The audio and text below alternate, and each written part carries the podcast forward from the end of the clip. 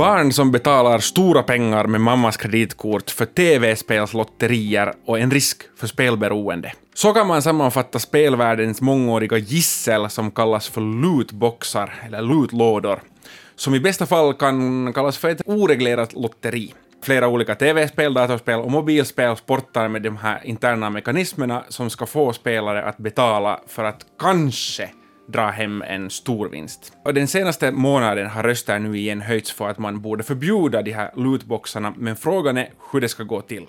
Det här är Nyhetspodden, jag heter Simon Karlsson och med mig har jag Björn Karlsson, eh, spelfantast och en av rösterna i Yles spelpanelen. Eh, Björn, vi kanske ska börja med att reda ut några centrala begrepp. Och vi börjar med det centralaste. Hur skulle du förklara vad en lootbox är?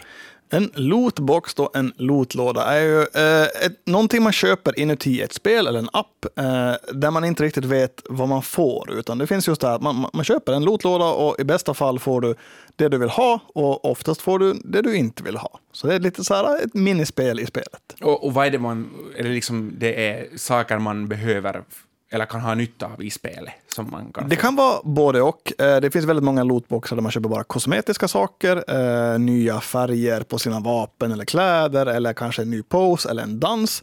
Eh, det kan också vara i vissa spel saker som faktiskt gör att du är mer skadad än dina fiender eller motståndare och att du får liksom en en helt klar fördel. Lootboxar är inte det enda man kan köpa i spel, och, utan sedan länge så är det vanligt att man kan köpa olika grejer inne i olika spel.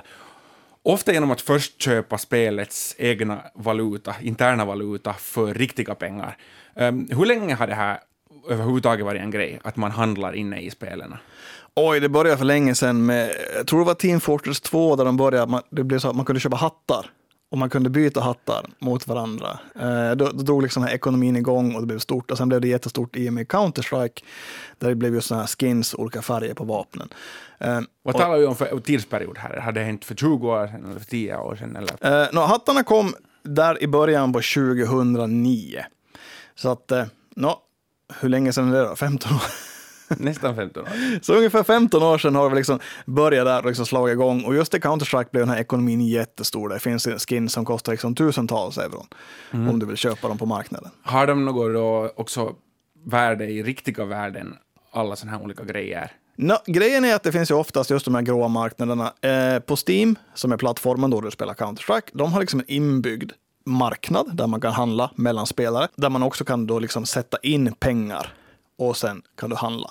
Men det finns inget officiellt sätt att ta ut pengar därifrån. Dock så finns det såna här gråa mellanhandelssidor där du kan både handla och sälja för riktiga pengar liksom ut på ditt konto. Så nu har vi etablerat vad vi, lever, vad vi pratar om för slags omgivning. Eh, och orsaken att vi talar om lootboxar är att det nyligen kom en rapport från det norska konsumentskyddsverket som visar att det här fortsätter vara ett problem, det här med just lootboxar. Och tillsammans med konsumentorganisationer från 18 europeiska länder så har de krävt att lootboxar borde förbjudas i lag. Och varför är då just de här lootboxarna, varför anses just lootboxar vara ett problem? Varför ser man just dem som farliga och inte de här interna marknadsplatserna överlag? Nå, även även liksom vanliga köp i appar och spel kan ju vara problematiska. Det kan ju vara allt från att du spelar något sånt här Candy Crush-liknande spel och sen om du förlorar så bara, nå, du får fem drag till för fem euro. Så är man så, aj, det ska vara skönt att bara slippa den här banan.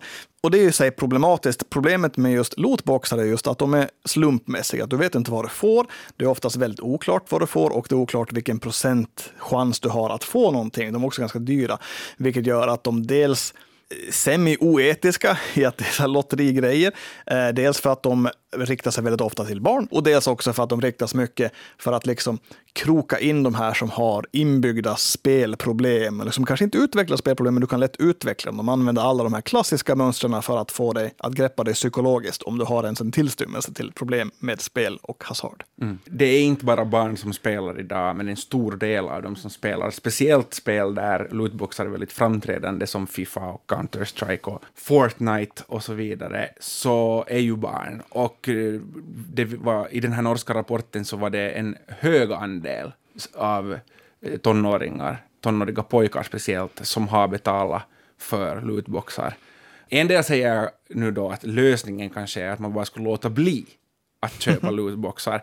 Eh, varför är det så lockande att köpa eh, Eh, de här produkterna när man inte vet vad man får? Att varför inte låta bli att köpa dem, äh, köpa alls, eller varför inte bara köpa just specifikt de sakerna man vill ha? No, det finns många olika sätt eh, som det här är just problemet. Att, att visst, ja, det, det, man kan lätt vara rationell och tänka sig att inte behöver jag köpa de här grejerna och varför skulle jag hålla på? Problemet är att de brukar oftast där i början kanske ge dig några gratis lootboxar så att du är så här, okej, okay, det var kul att öppna de här, jag fick några grejer och sen kostar de kanske inte så mycket styck och man säger, nu kanske jag köper en eller två och sen rasslar det iväg. Eh, och sen just för att de är ju just för att hitta de här personerna. Det, det, handlar inte så mycket om att varje person ska öppna en lootbox, utan det handlar liksom alltid om att de ska träffa de här personerna som har spelproblem och diverse, liksom, de, de, kan inte hantera lockelsen. Så att de här valarna som de kallas, som lägger ner liksom tusentals euro, kan lägga hela sina månadslöner liksom rakt in i ett mobilspel för att de kan inte kontrollera sig. Och det är liksom det största problemet. Men även för vanliga människor, det är farligt. Jag märkte själv eh, när jag började spela Counter-Strike för länge sedan, så öppnade jag eh, en hel del lådor. Och sen kan man på ett ställe gå in och se sin transaktionshistorik, hur mycket man har lagt på sina lådor. Och då insåg jag att jag hade lagt mer än, och det var inte så mycket, då hade jag lagt kanske 50-60 euro på öppna lådor. Eh, och då skickade jag själv lite morkis och var så här, usch. Så sen dess har jag faktiskt hållit mig borta från det. Men det är nog kul att öppna och få ett bra skin, men det är nog, ja, de glider iväg de här eurona. Det går också snabbt sen att komma upp i 50-60 euro. Och sen blir det Verkligen. Varje låda där kostar 2,50 tror jag öppna eller någonting. Så det är inte många jag har öppnat innan jag ens är uppe i 50. Så det så spelen, speltillverkarna utnyttjar samma mekanismer som finns in, inom andra hasardspel, gambling, för att få folk krokade. Men samtidigt så måste det ju finnas en ingång överhuvudtaget, vad, vad som gör att man tycker att man behöver betala för att spela. Vad, vad är liksom motiver, motiveringen varför man vill betala för att få saker? Varför kan man inte bara spela? No, det, finns ett, det fanns ett ganska bra exempel här. Det var ett företag i USA, ett av de här större spelföretagen, som patentansökte. Eh, och då hade, I deras patentansökan så har varit ett system för hur de ska få spelare att köpa mer grejer. Så deras system är så här, att du börjar spela ett spel, vi säger en ett eh, skjutare, ett så krigsspel, du skjuter på varandra. Från början går det ganska bra. Och sen eh, börjar du träffa på folk som bara har liksom bättre vapen än dig. Och då får du reklam hela tiden att hej, du kanske ska köpa en bättre puffra. Eh, så kanske det blir bra. Och säger okej, okay, så personen köper det här geväret. Helt plötsligt får den här personen bara möta folk som har sämre vapen än den själv för att du ska känna att det här köpet var värt det. Sedan under tid, en kort tidsperiod, så stiger igen svårighetsgraden på de här du möter som har ännu bättre utrustning för bättre betalda pengar. Så att den här liksom cirkeln fortsätter. Att de hela tiden viktar dig lite grann att du ska ändå liksom köpa. Eh, och samma så här system i såna slumpmässiga lådor har de använt länge. Att, att även om, om du har liksom gått dåligt ganska länge så får man liksom så här tröstprocentchans upp. Eh, som gör att till slut får du ändå liksom tillbaka någonting och du känner liksom okej, okay, det var ändå värt det. så att, eh, då kan jag liksom fortsätta lägga pengar. Men till slut får jag ändå någonting jag vill ha. Kanske inte exakt det jag vill ha, men de är liksom väldigt det är sånt otroligt lirkande och det finns så mycket pengar i det här så att de har liksom alla möjliga psykologer och utvärderingar och liksom studier bakom som vet exakt hur man ska få folk att bli lurade att spela och spendera pengar. Det här köp av lootboxar är i sig självt redan en miljardbusiness. Men eh, finns det i kritiken mot inte bara lootboxar utan mot överhuvudtaget just det här systemet du just beskrev om att man liksom puffas mot att köpa grejer för att bli bättre. Talas det om någon orätt, orättvisa aspekt här också? Att, att folk är irriterade på att de vet att de kanske till och med blir lite lurade, men att de ändå tvingas göra det för att få framgång, nå framgång. Så är det. Det finns ett otroligt... Eh, ett här spel som kom ut förra veckan, tror jag, eller två veckor sedan, Diablo Immortal. Eh, tjänar nu liksom toppar listorna på hur mycket pengar ett sånt här mobilspel drar in på just lootboxar och eh, liknande mekanik. Eh, det är samtidigt det lägst betygsatta spelet någonsin på Metacritic för att alla hatar det här, men det spelas ändå och drar in pengar så mycket så att det är helt sjukt. Så att eh, folk vet om det här, folk hatar det, men det finns ändå de som spelar och tycker att det är värt det, eller blir det just att de kan liksom inte hejda sig. Mm. Så att, uh, det finns mycket kritik mot det, men det, det, det, funkar så bra och det är så utstuderat så att det går inte att göra någonting åt riktigt. Gör alla speltillverkare det här, eller finns det inom branschen vissa som man vet att mm, nu kommer det ett nytt spel från den här studion, och, så det kommer att bli dyrt om jag ska spela det? Uh, ganska mycket så att de flesta gör det, för när freemium-spelen och just när Fortnite och de här liksom exploderade upp så... Freemium betyder att man får freemium, spela gratis, ja. men du måste köpa för Precis. Ja, ingen, ingen uppkostnad uppfront, utan du får liksom gratis spel och sen köper du innehåll i spelet om du vill. Uh, och det här blev liksom en av de största ekonomierna, vilket gjorde att alla stora spelföretag liksom började liksom dra sig åt det hållet. Och nu har det gått så långt så att de senaste åren har folk gjort reklam för sina spel. Hej, våra spel har sen inte mikrotransaktioner och lootboxar. Som att det skulle liksom vara en ynnest av speltillverkare, att nu har vi ansträngt oss att inte utnyttja er. Så att det, det går lite fram och tillbaka. Det är liksom för, för de företagen som är så stora att de inte har problem om de får badwill, till exempel. Eh, de fortsätter bara göra sånt här. Eh, och det funkar ganska bra för dem, men de är ju sen liksom, vi får se hur det funkar i långa loppet när man är liksom mer känd som en av de här spelstudiorna eller utgivarna som bara gör liksom de här riktigt fula metoderna. Mm. Nå, eh, så problemet med lootboxar är inte det att man köper en sak i ett spel och problemet är inte heller att spelen byggs upp så att de lockar till mera spel, utan problemet är att du blir krokad på de här lootboxarna som ju då i praktiken är ett lotteri. Så det blir en slags hasardspel, eh, penningspel.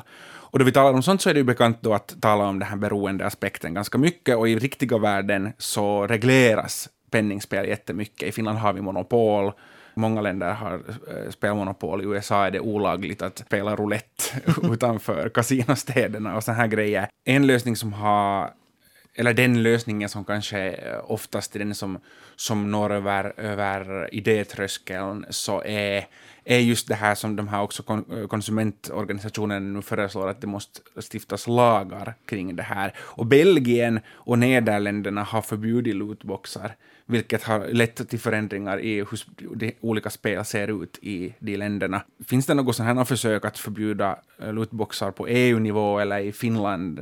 I EU så har de en, en del undersökningar på gång och de kommer skriva om några lagar här, tror jag var 2024. Vi får se vad de har kommit fram till tills dess. Uh, men alla länder som gör en utredning, Sverige gjorde en tidigare, nu Norge med den här, kommer alla fram till samma sak. Att det här är liksom, det är inte bra för konsumenten i slutändan. För det är liksom ett, ett, predatoriskt sätt att göra affärer på. Det, jag tycker det är ganska kul det här med Belgien och Nederländerna, för det är ganska bra litmus-test att om du funderar på ett, ett spel och säger så här, okej, okay, borde man spela det här eller inte? Då kollar man, finns det ens att ladda ner i Belgien och Nederländerna? Oftast gör det inte det. Till exempel nya Diablo Immortal har de inte släppt där. De har bara gett upp för att det är liksom den här businessmodellen av att lura av folk pengar via lootboxar, är liksom, det är kärnan. Det är inte liksom en pålagd del på spelet, utan det är kärnan i spelet. De kan inte ta bort den så pass enkelt att de kan släppa spelen i de här länderna där det är förbjudet. Mm, mm. Men eh, du spelar eh, själv, och du har vänner som spelar och du har barn som spelar. Eh, vad tycker du själv att skulle vara den optimala lösningen? Går det här att lösa med att lagstifta, eller borde på något sätt, borde spelare, konsumenterna, eh, fansen, göra ställningstaganden och på något sätt ena sig som någon slags fackorganisation mot tillverkarna? Jag tycker det är en jättesvår fråga, för dels en lagstiftning skulle liksom bara göra... Det är också svårt för utvecklare. Att liksom, vart går sen då liksom gränsen för en utnyttjande spelloop-mekanik? Liksom. Att vad, vad, ska man nu göra i spelet? Ska man bara spela en timme och sen ska det vara över? Eller ska det ändå vara kul att spela ett år? Även fast du inte lägger pengar, liksom, vart går den här gränsen?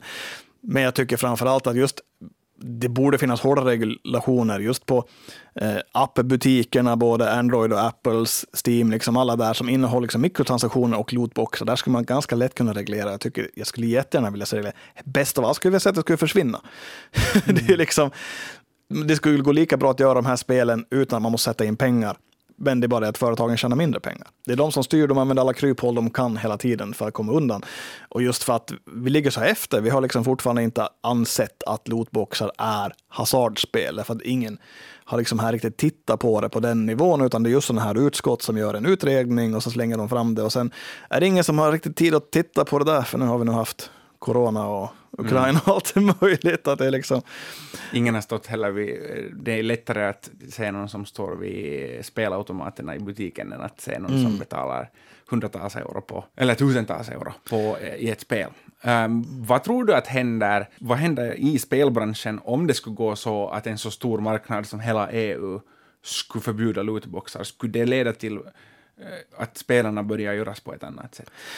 Det tror jag, och jag tror att det redan nu har liksom, för nu har vi gjort, gått bort från det här med lootboxar. Nu finns det mycket sådana här, eh, vad heter det, det finns sådana här game passes eller sådana här liksom må månatliga. Att du, så här, du köper in dig på den här säsongen och då kan du tjäna poäng och få liksom belöningar. Så det är liksom inte en lootbox du köper utan du, du lägger in pengar eftersom du spelar spelet för att få med de här, de här roligaste grejerna som händer. Och sånt har vi redan sett en sån liksom skift till och det är liksom just att de vill ha in pengar efter du har köpt spelet. Vi kommer nog aldrig få bort det helt, det kommer nog alltid skifta åt något håll att vart de nu vill tjäna in de här extra pengarna på. Men ja. åtminstone kommer de inte att nöja sig med de här, den här 80 euron för ett nytt spel. Nej, jag tror vi är tyvärr förbi den tiden att eh, det finns fortfarande de som gör sådana spel och de är oftast de bästa, tycker jag själv. De som faktiskt gör liksom ett spel för att de vill göra spel och inte göra spel för att de vill tjäna pengar. För det är en ganska stor skillnad. Det är Björn Karlssons hälsning till speltillverkarna. Eh, tack för att du var med i Nyhetspodden. Tack!